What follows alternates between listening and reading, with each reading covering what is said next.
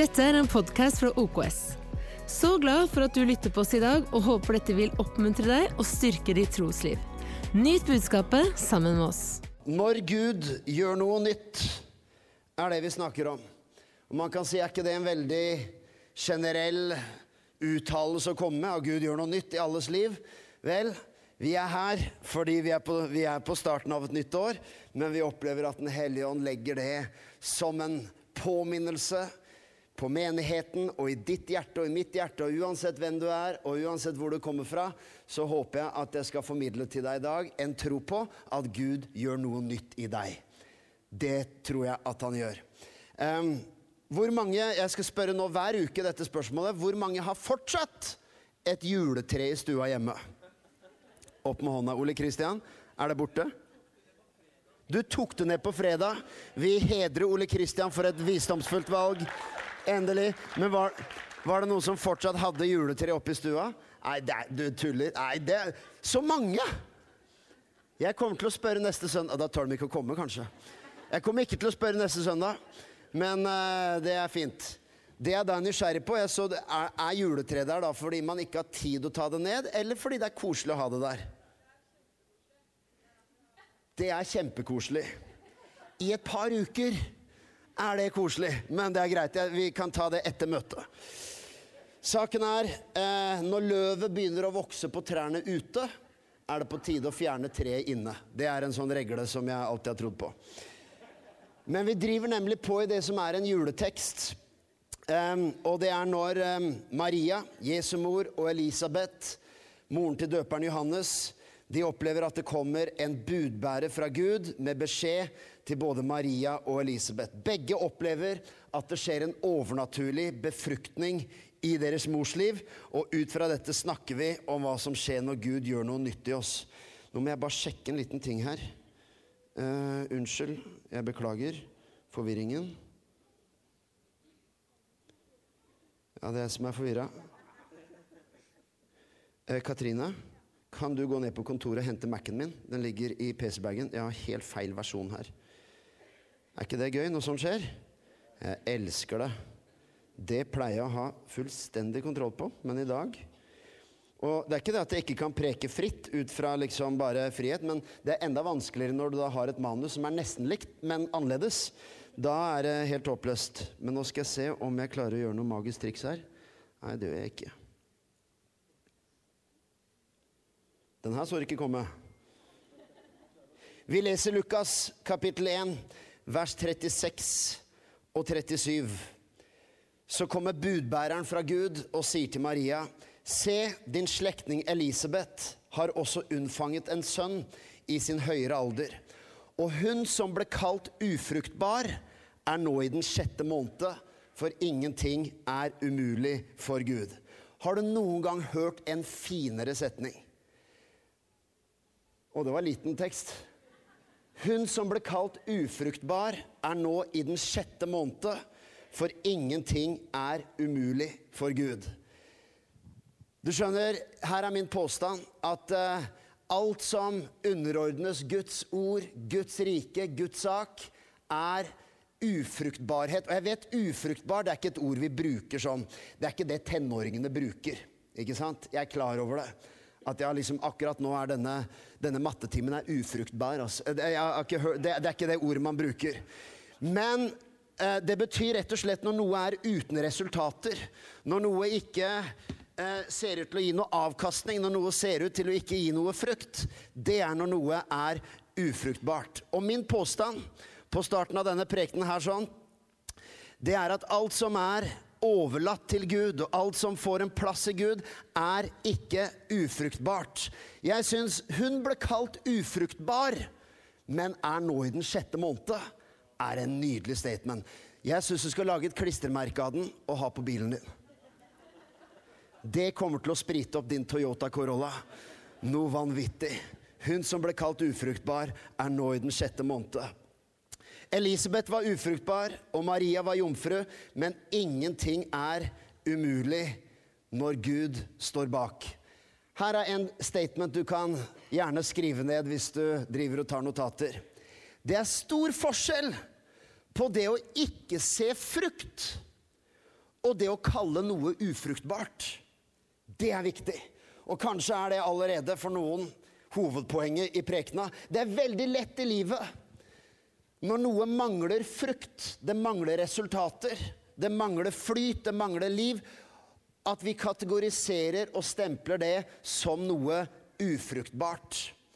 Og Kanskje er det sånn at eh, det er områder i livet akkurat nå hvor du savner å se frukt. Du skulle ønske at det var en avkastning av det du investerer fra hjertet ditt. Men vi er her for å oppdage i dag at du er ikke ufruktbar selv om du ikke ser frukt. Og ingenting er umulig for Gud. Det er et nydelig statement å ta, ta med seg. Om du ikke ser frukt i kirken din akkurat nå, og nå vet jeg, nå er vi i OKS, og vi er en kirke som ser frukt, selv om vi drømmer også om å se mer, så er det sånn her at jeg vet også at en del hører på. Og jeg hadde lyst til å si dette her hvis det er en pastor eller leder eller noen som akkurat nå ikke ser frukt i kirken sin i det hele tatt, så sier jeg til deg ved Den hellige ånds inspirasjon at det at du ikke ser frukt akkurat nå, betyr ikke at kirken din er ufruktbar. Så slutt å snakke som om den er det. Slutt å kategorisere det som ufruktbart i hjertet ditt, selv om du ikke ser frukt. Det er ikke ufruktbar. Det er allerede i sjette måned, og ingenting er umulig for Gud. Og jeg sier at det fins ikke noe som heter heller Det fins ikke noe som heter ufruktbart og dødt når det er underlagt Guds befruktning. Det fins ikke noe som heter til og med et dødt ungdomsarbeid. Fins ikke noe som heter et ufruktbart bønneliv. Selv om du ikke ser frukt akkurat nå, så håper jeg at noe av undervisningen skal hjelpe deg til å endre språk, endre bekjennelse, endre tanke, og si at akkurat nå så ser det det ser dødt ut her, men jeg vet at det er ikke ufruktbart. Det er i sjette måned av det Gud gjør i livet mitt og gjennom meg. Merk en veldig fin detalj også om Elisabeth. For det står at hun var i, i høy alder uten å ha fått barn. Og Det er et hint i teksten om at dette var vanskelig for henne, og at um, det ble også sett ned på i denne kulturen. Vi vet at også i 2024 kan det være krevende å prøve å bli gravid og ikke få det til. Og kanskje har vi en oppmuntring til noen mennesker på det området også. Men for Elisabeth så var det ekstra skamfullt i denne kulturen å være det folk kalte ufruktbar. Men hør likevel! Det er så nydelig ordlyd. For det står hun som ble kalt ufruktbar, er nå i den sjette måned. Det står ikke engang 'hun som var ufruktbar'. Man kan si at det hadde ikke vært galt om det sto det. Det hadde også vært et mirakel. Men jeg, jeg syns det er en veldig interessant setning. Det står bare at folk kalte henne ufruktbar.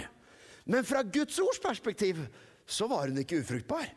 En annen oversettelse, 2011-oversettelsen, sier 'hun som de sa var ufruktbar' er nå i den sjette måned. Jeg vet ikke hva folk har kalt deg. Neppe går folk rundt og kaller deg ufruktbar. Men det kan være at det er et navn du setter på noe, på sesongen du er i, eller tiden du er i. Eh, du setter noen etiketter og noen overskrifter. Og kanskje er det sånn at din overskrift er om ikke ordet ufruktbar, så kan det være at du mangler krefter, mangler energi, mangler overskudd. Men sannheten er Akkurat som Elisabeth. Selv om hun i høy alder fram til da ikke hadde båret fram barn, så var hun ikke ufruktbar. Hun var i sjette måned. Selv om du akkurat nå føler deg tom for styrke, så er du ikke svak. Slutt å kategorisere livet ditt etter den sesongen du ser akkurat nå. Ikke lag en permanent tittel på noe som er en midlertidig sesong. For du skjønner, du er ikke svak. Nei, jeg makter alt i ham som gjør meg. Det er ikke noen motsetning mellom akkurat nå å kunne føle seg litt svak og kunne si at akkurat her mangler jeg styrke. Men slutt å lage permanente titler på det, for saken er du er allerede i sjette måned for ny kraft og ny styrke fra himmelen. Når du trodde du var tom for løsninger, alternativer, visdom, og da tenkte jeg jeg har gått tom for ideer. Jeg vet ikke lenger hva jeg skal gjøre for å løse denne konflikten.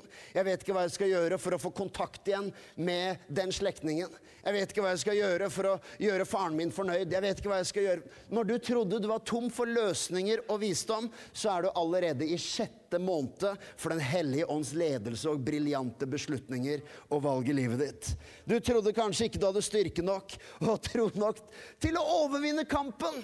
Som du kanskje står i akkurat nå, men jeg sier du er i sjette måned til å ta imot et nytt arsenal av redskaper og våpen. Ikke arsenal, det er noe annet, noe kjødelig, men arsenal. Det er det vi tror på. Alt i livet som du underordner Gud, Hans ord, Hans løfter, Hans kraft, så finnes ikke ufruktbar i det vokabularet. Så kanskje du sier jo, men Thomas, nå, nå drar du teksten langt. Dette var Maria og Elisabeth. Dette gjelder ikke meg.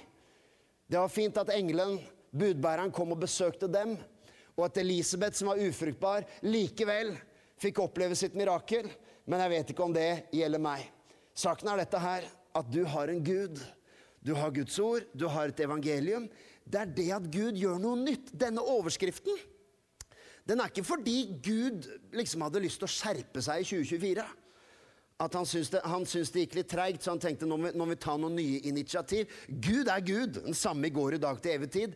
Men det ligger i Guds permanente natur å gjøre noe nytt.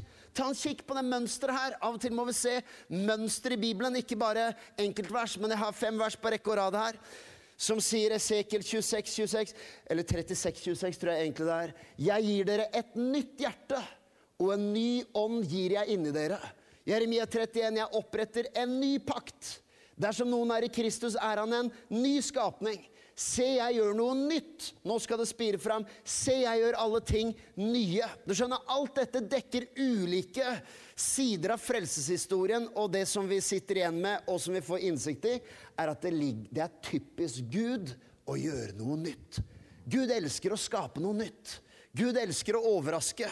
Gud elsker å fornye, og det ligger i evangeliets natur. Så min påstand om at Gud gjør noe nytt, det er ikke fordi det har kommet et innfall fra himmelen. Plutselig i januar 2024 så hadde de eldste rådsmøte oppe i himmelen og fant ut nå skjer det noe nytt. Men det er sånn at når vi Når Guds ånd belyser en side av Gud, så ser vi det, så forkynner vi om det, så får vi nytt lys over det. Og jeg preker ikke til deg med en slags sånn falsk forventning om at snart, rett rundt hjørnet, skal det skje noe magisk. Men vi betrakter noe i Guds ord om hvordan Gud virker. Og når vi tror noe er ufruktbart, og når vi tror noe er dødt, så er det sånn at det kommer en troens ånd, og det er evangeliets kraft. Han som reiste Jesus opp fra de døde.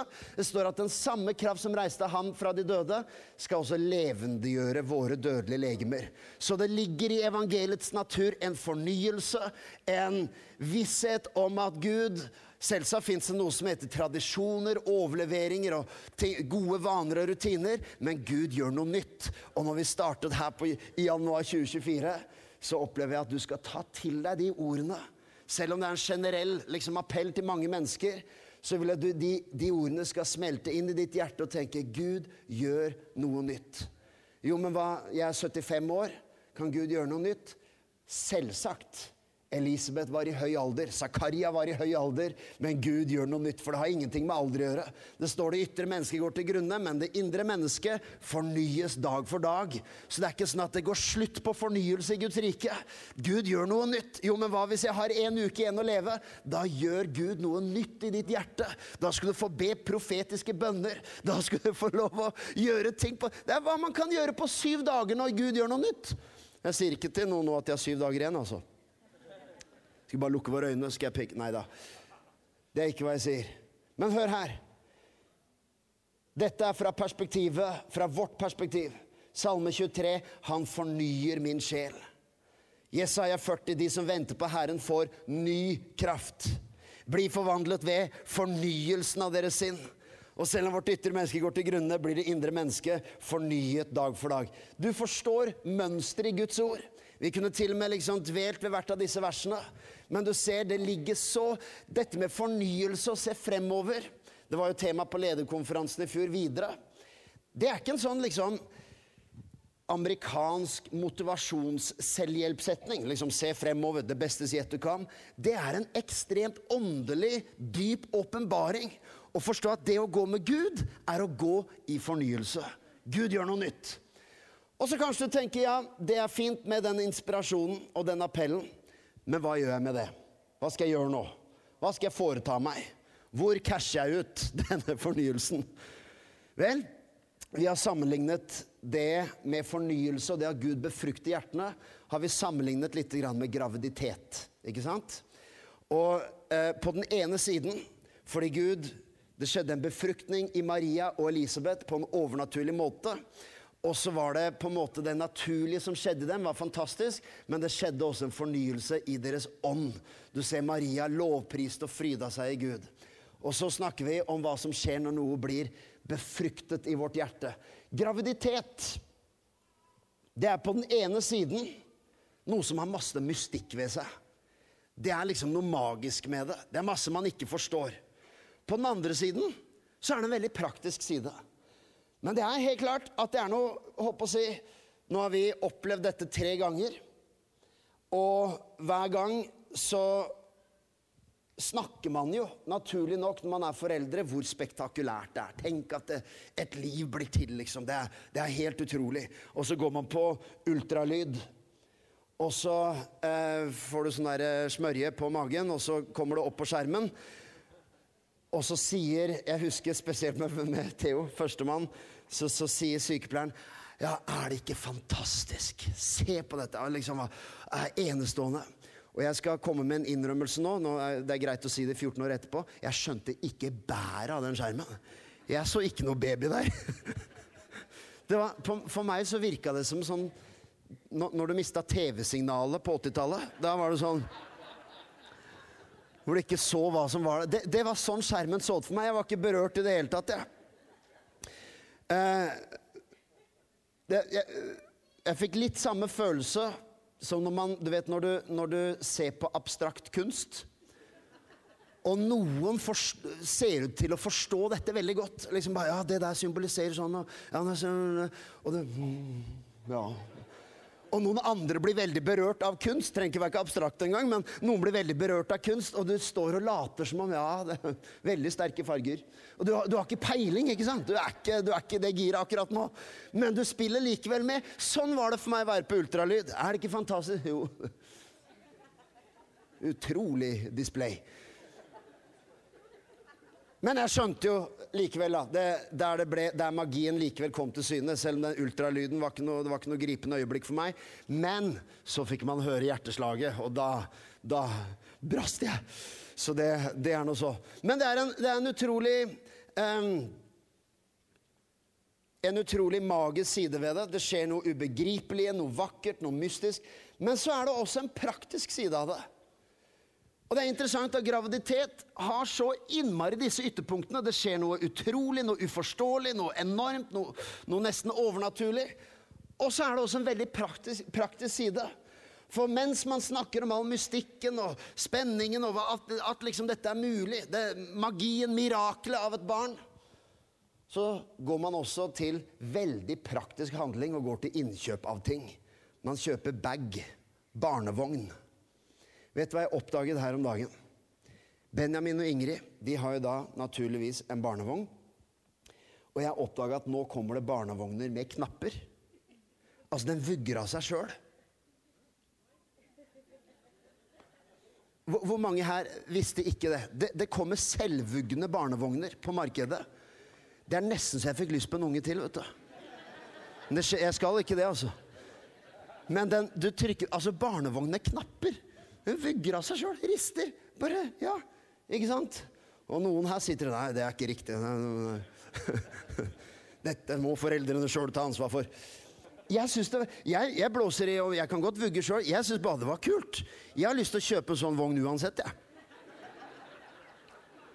Ba, hæ?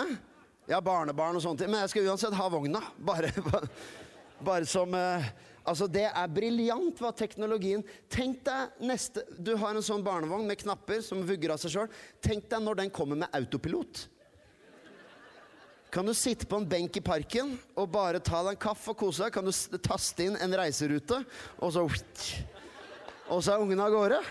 45 minutter etterpå, håper du har hatt en fin tur, og så kan du rusle hjem, og så Hæ? Er fantastisk. Jeg, jeg, ble veldig inspirert faktisk av det. Tesla kommer sikkert til å lage en sånn barnevogn med, som er selvkjørende. Vet, alt skal digitaliseres. og Hvis du, hvis du var på uh, kickoff her på tirsdag, så fortalte jeg at nå, nå selger de altså badevekter med wifi. Med nettilkobling. Altså Etter denne jula og jeg gikk på vekta, siste jeg vil, er å laste det opp på internett. Det som er på den der. Men det fins altså badevekter med internett. Hva er det jeg snakker om? Jo, midt i det forunderlige og det magiske og det overnaturlige, så er det også en veldig praktisk side. Det praktiske forandrer ikke babyen i magen. Når man går og handler babybag eller bleier eller våtservietter Våtservietter, jeg har ikke tid til det nå, men det er den beste oppfinnelsen noen gang. Våtservietter forandret mitt liv. Det kan brukes til alt. Men jeg, jeg, var ikke klar over det før vi fikk barn. Men resten av prekena er slutt på tull og fjas. Nå skal vi zoome inn avslutningen, og du, vi, vi skal få tak i hva dette handler om. For i det åndelige, når Gud gjør noe nytt, så tror jeg dette er veldig naturlig å snakke om.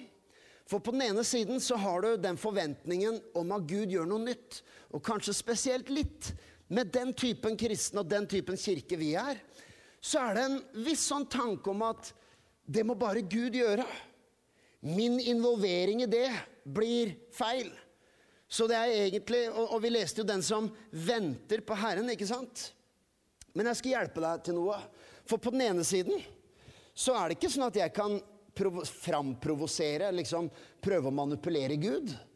På den annen side så finnes det en misforstått tanke om at når Gud gjør noe nytt, ja, da sitter vi her og venter til vekkelsen kanskje en dag kommer. Graviditet er et glimrende eksempel. For det Gud gjør, hva skal jeg si, det fosteret som blir til i magen, er det ingen som får gjort noe med. Ingen kan kontrollere det, ingen kan manipulere det. Ingen kan, ingen kan trykke på noen knapper og få det til å få blå øyne. Ingen kan sitte og bare bestemme seg hardt for at nå skal jeg bare liksom vri magemusklene sånn, for da blir den mørk blond. Du aner ikke hva slags menneske som kommer ut. Hvilke egenskaper, hvilke ferdigheter. Og sånn er det med det Gud gjør i oss. Vi må være åpne. Hva gjør Gud? Det er den ene siden av det. er, vet du hva? Hvis jeg begynner å si Gud, jeg er åpen for at du gjør noe nytt, men det må være sånn, og det må være begrensa til de timene og de dagene, og jeg er ikke så glad i å drive på med sånn, og jeg kommer ikke til å si ja til det der, men hvis det, hvis det passer inn i den boksen her, Gud, da vil jeg du skal gjøre noe nytt i meg. Det er så fort gjort at vi ser våre begrensninger og vi ser våre krefter og vi ser vår kalender og sier 'Gud, jeg vil ha noe nytt innafor disse rammene'. Nei, et foster blir til. Du aner ikke hva Gud vil gjøre deg, min venn. Det står dersom noen er i Kristus, er han en ny skapning. Skjønner, Sånn er det. Og nå snakker jeg til deg som akkurat har kommet til tro, eller deg som kanskje er på vei til tro. Og jeg skal ta det gjennom en litt, litt sånn kanskje utfordrende perspektiv. Men det hender folk spør meg som pastor når man er akkurat ved den overgangen, nyfrelst eller ufrelst, eller hvilke ord man bruker. Man er i en prosess og lurer litt på, på hvor ting er. Og så er det et klassisk spørsmål. Hvis jeg blir en kristen, betyr det da at jeg må slutte med sånn? Må jeg ha det standpunktet? Må jeg gjøre sånn? Må jeg gjøre sånn? Det er flere sider av det. For det første så tror vi på Den hellige ånds hjelp til å lede deg til å leve et nytt liv. Så når du kommer til tro, så er det ikke sånn at vi har en liste på 32 punkter som du må gjøre for å være en god kristen. Men du kommer til å bli undervist i Guds ord. Vi kommer til å snakke om det nye livet i Jesus. Amen. Og så tror vi at Den hellige ånd fornyer og hjelper deg til et nytt liv. Og det er sånn, det er sånn, Der må vi som er kristne ledere, stole litt også på at Den hellige ånd gjør noe i deg og er i stand til å guide deg til fornyelse. Og Noen ganger tar ting tid, noen ganger skjer ting plutselig, men du er ment å vokse i Gud. Men så er det også sånn her Når du er i Kristus, er det en ny skapning. Og bare utgangspunktet med å begynne å tenke at jeg skal kontrollere hva slags Guds barn jeg skal bli. Så jeg spør ja, jeg har lyst til å tro, jeg har lyst til å ta imot Jesus, men jeg kommer ikke til å endre det her. Jeg kommer fortsatt til å ha det samme synet på det politiske spørsmålet. Du, jeg bli, hvis jeg blir kristen, må jeg, må jeg, ha et sånn syn på ekteskapet? Eller, eller kan jeg, Det har jeg ikke tenkt til. Jeg har tenkt å holde fast på det her. Her er mitt poeng. Vi kommer ikke å si det må bli sånn og sånn, men jeg sier å bli en ny skapning. Vet du hva Jesus sa til Nikodemus? Nikodemus kom til Jesus og sa at 'jeg er en lærer, og du er en lærer'. Egentlig sier han litt sånn 'Jeg har innsikt i noen ting, og du har innsikt i noen ting', og sammen kan det bli en bra duo. Jesus sier 'glem det'. Du må dø. Åndelig sett. Du må bli født på nytt, sier han. Og det er det jeg sier også til deg som spør ja, hvis jeg blir en kristen, må jeg endre syn på det. må Jeg endre syn på det? Jeg kommer aldri til å svare veldig spesifikt, men jeg kommer til å si utgangspunktet er at når du blir en ny skapning blir, Du trenger å bli født på ny, og det er ingenting du kan kontrollere eller forme i hva Gud gjør og skaper av forandring i deg. Så slutt å si 'Jesus, jeg vil tro på deg'. Jeg sier ikke at du sier det, men, men, jeg vil tro på deg hvis det kan bli sånn, og jeg kan beholde dette, og jeg kan beholde den avhengigheten og bevare det synspunktet. Da vil jeg ha de 60 som er igjen. Nei, vi tar imot Jesus, og han gjør alle ting nytt. Who knows hva Gud vil gjøre i deg? og jeg tror at det finnes noe i den åpenbaringen som er godt å ha også for oss som er etablerte kristne og har vært i mange år. For vi kan også fort ende opp i en sånn tanke at jeg vil Gud skal gjøre noe nytt, men jeg gir ikke slipp på det her, og det må i hvert fall være sånn, og så har vi våre sterke meninger og våre greier og ting som vi er vant med. Jeg tror det er en sunnhet, ikke ved å slippe liksom alle overbevisninger, men ved å ha en formbarhet og si Jesus, du får lov å skinne på hvilket område du vil. For det står, du vet, Månen den skinner bare fordi den reflekterer sola. ikke sant? Månen skinner ikke sjøl. Eh, og sånn er det at vi skinner fordi Jesus skinner på oss. Så reflekterer vi, men jeg har funnet ut noen ganger at eh, det har vært faser av mitt liv der jeg bare har villet være en halvmåne. Det sier Jesus, du kan få lov å lyse på dette området av livet mitt, du kan få lov å lyse på dette området av livet mitt, men dette området her, her vil jeg ikke at du skal gjøre noen forandring akkurat nå. For dette trives jeg med. Trives med det. Eh, men så fins det faser i livet der du bare trenger å innse at jeg holder dette området mitt. Gud, ikke, ikke, ikke forstyrr her. Ikke rør dette. Sorry, I'm busy. Ikke, ikke gjør noe med dette området. Men det er en nydelig ting å kunne åpne opp og si, Gud, du får gjøre noe nytt i min økonomi, i mine vaner, i min sjenerøsitet, i min tankegang, i mitt bønneliv, i min kalender det er formbart fordi jeg tilhører deg. Jeg vil være fullmånekristen. Det er et bra utgangspunkt. Det fins en praktisk side, og så fins det, eller det fins en magisk side, og så fins det en veldig praktisk side. Fordi, som sagt Jeg har egentlig snakka nå om den magiske siden. Vi kan ikke forandre fosteret. Vi kan ikke forandre eller påvirke, manipulere det Gud gjør i oss. Men så er det også sånn at de praktiske tingene man gjør som forelder når man kjøper barnevogn med knapper og autopilot og, og kan sikkert fly etter hvert, og alt sånn, så er det også sånn at de innkjøpene og de praktiske forberedelsene vitner om en forventning. Og jeg vil si at det samme gjelder i livet med Gud. At på den ene siden er det Gud. Du kan få gjøre hva som helst. Jeg tilhører deg. Og jeg kan ikke sette masse betingelser. Du skal få lov å forme meg. Og da får jeg lov å si det her? Det er bare en parentes.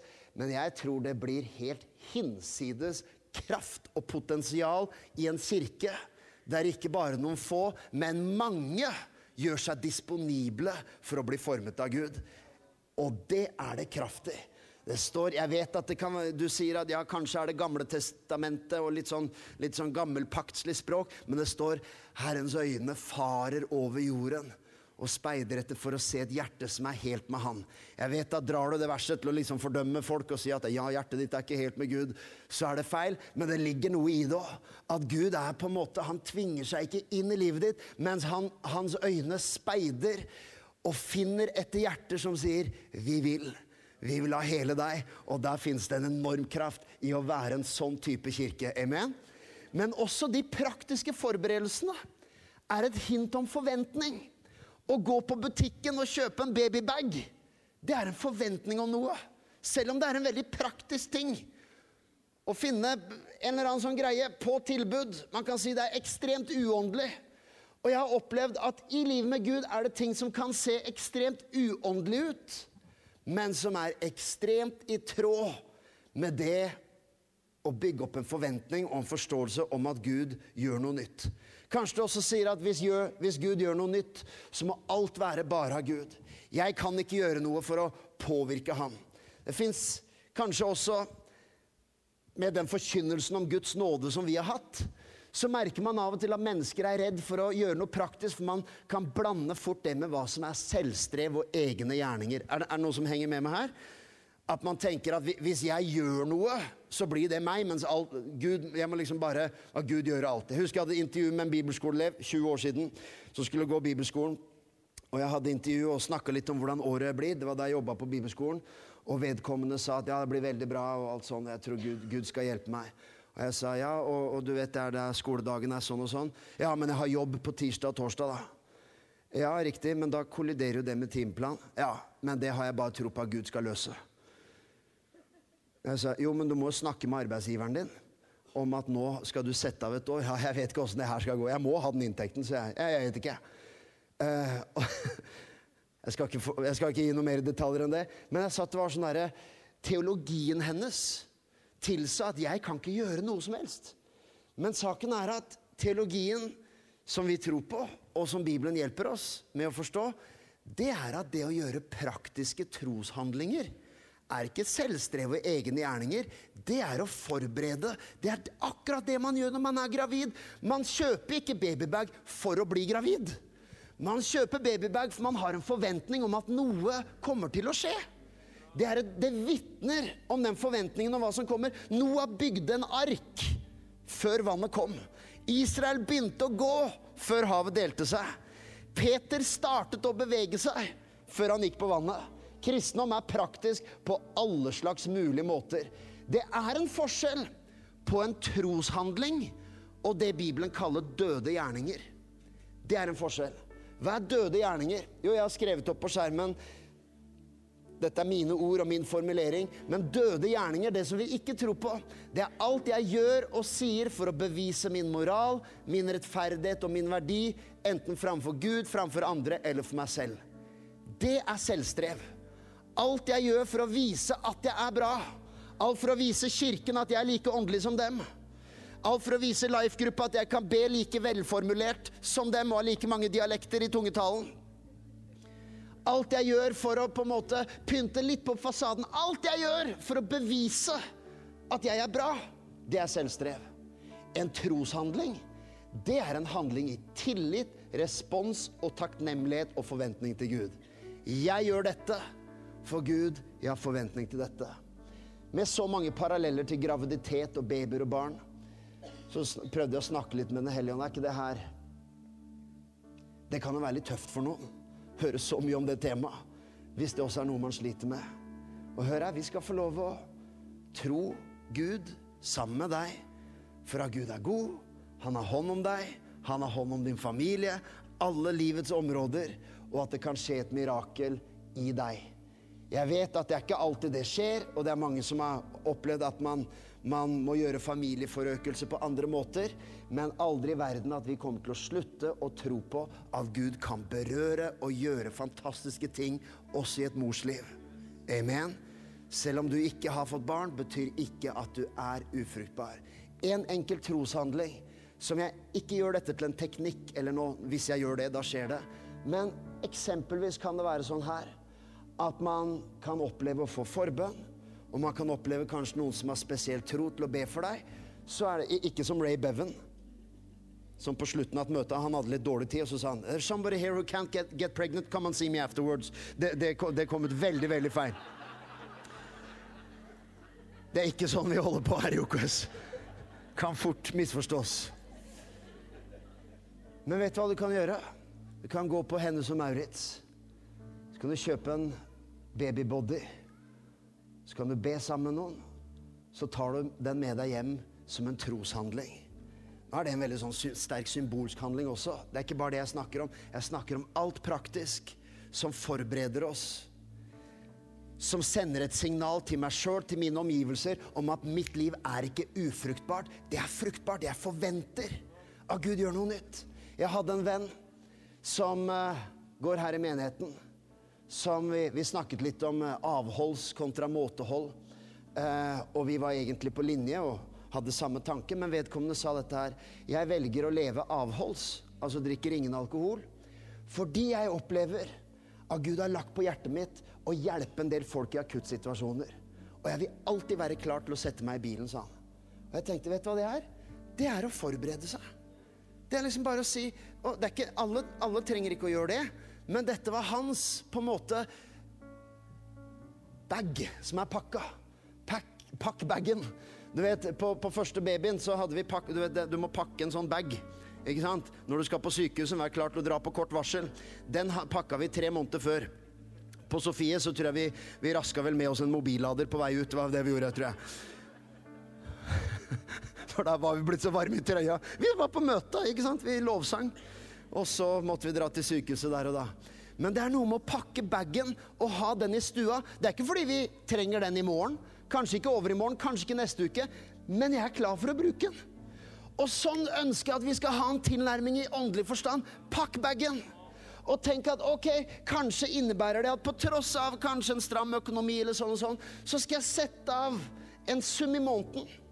Og så skal jeg la den på en måte gå så lenge det trengs, inntil Den hellige ånd minner meg om noen som trenger det akkurat nå. Så jeg er forberedt. For noen kan det være å bestemme seg for at jeg skal være kjørbar til alle døgnets tider. For jeg tror Den hellige ånd kommer til å minne meg om folk, eller kanskje jeg får den telefonen som gjør at jeg må ut på kort varsel. For andre kan det være å gjøre litt mer rom i kalenderen. Og kanskje bestemme seg for å omprioritere, omprioritere noen ting og gjøre litt plass. Og si her sånn skal jeg ha plass til Den hellige ånds ledelse. Til å kanskje faste fra noe, eller gi litt spillerom til noe nytt i livet mitt. Pakk bagen og gjør deg klar for hva Jesus vil gjøre i livet ditt. Amen? Amen. Oi, oi, oi. Her, La meg bare lese punktene. Jeg må, jeg må, det, det som er så fint med temaserie, vi kan fortsette neste gang. Her er nummer én forbered huset og tilpass kalenderen. Nummer to har vi allerede vært inne på ha bagen klar. Det er veldig bra. Kanskje er det noen som skal gjøre seg klar denne sesongen for å bli spurt om å ta et nytt ansvar. Kanskje gjør deg klar for lederskap. Ikke tenk at når Gud kaller meg, da skal jeg liksom virkelig mobilisere. Gjør deg klar og si, Gud, jeg er klar for et nytt ansvar. Og ikke press det fram. Du kan ikke presse, liksom, påvirke en fødsel. Naturen må gå sin gang. Men du kan gjøre deg klar og si, Gud, jeg liksom posisjonerer meg, jeg gjør av plass i kalenderen, for kanskje kommer det en ny oppgave og et nytt ansvar som er jeg er ment å takke ja til, og som jeg er ment å tjene i. Amen? Det er ikke sikkert det gjelder alle, men hvis det gjelder noen, så kan jeg forandre denne sesongen. Nummer tre, ta en test og gå til kontroll. Snakk med noen. Vi var på sånn kontroll når vi ble gravide. Gikk, vi gikk til og med på fødselsforberedende kurs. Og det er veldig typisk pastorer. De kan ikke delta på noen ting uten å havne i avisa eller et eller annet sånt. Så det kom i Østlandets Blad. Fordi eh, fedrene fikk prøve lystgass hvis de ville. Og jeg, jeg, det var sånn der, Hvem har lyst til å teste lystgassen? Så jeg rakk opp hånda. Eh, så det kom i Østlandets Blad med overskriften 'Ruset far'. Ta en test. Hva mener jeg med det? Snakk med noen. Gå til life-lederen din. Gå til en medpastor. Snakk med noen og del det som du opplever Gud gjør. Her er det fjerde. Be, takk, lovpris og fry deg i Gud. For Maria, og vi er ferdige nå Maria forsto ikke alle detaljene. Hun forsto ikke alt som kom. Men én ting gjorde hun. Hun ba og lovpriste og fryda seg, står det. Lukas 1,46, Maria sa, min sjel opphøyer Herren, og min ånd har frydet seg i Gud. Det hender når Gud gjør noe nytt, at vi kristne kan bli litt selvhøytidelige og litt sånn anstrengt. Og ja, nå merker jeg liksom virkelig at det skjer noe. Noe av det beste du kan gjøre, er å forstå at gleden i Herren er din styrke, og fryde deg i den sesongen. Ikke få en sånn alvorlig mine om at nå, ja, nå må jeg virkelig være på liksom, må jeg, må jeg anstrenge hele kroppen og være i høyspenn for hva Gud gjør. Nei, senk skuldrene, pakk bagen, gjør deg klar, og i mellomtiden fryder du deg i Gud og lovpriser. Ikke gjør deg selvhøytidelig og anstrengt. Fry deg i Han og lovpris og takk Han for at Han er den Han er, og gjør deg klar for hva Gud gjør. Amen? Takk for at du tok deg tid til å lytte på en av våre podcaster fra OKS. Vår visjon er å bringe Jesus til mennesker i vår verden, og mennesker i vår verden til Jesus. Følg oss ellers på vår YouTube-kanal og sosiale medier. Du er velkommen til å besøke en av våre kirker. For mer informasjon, sjekk ut oks.no.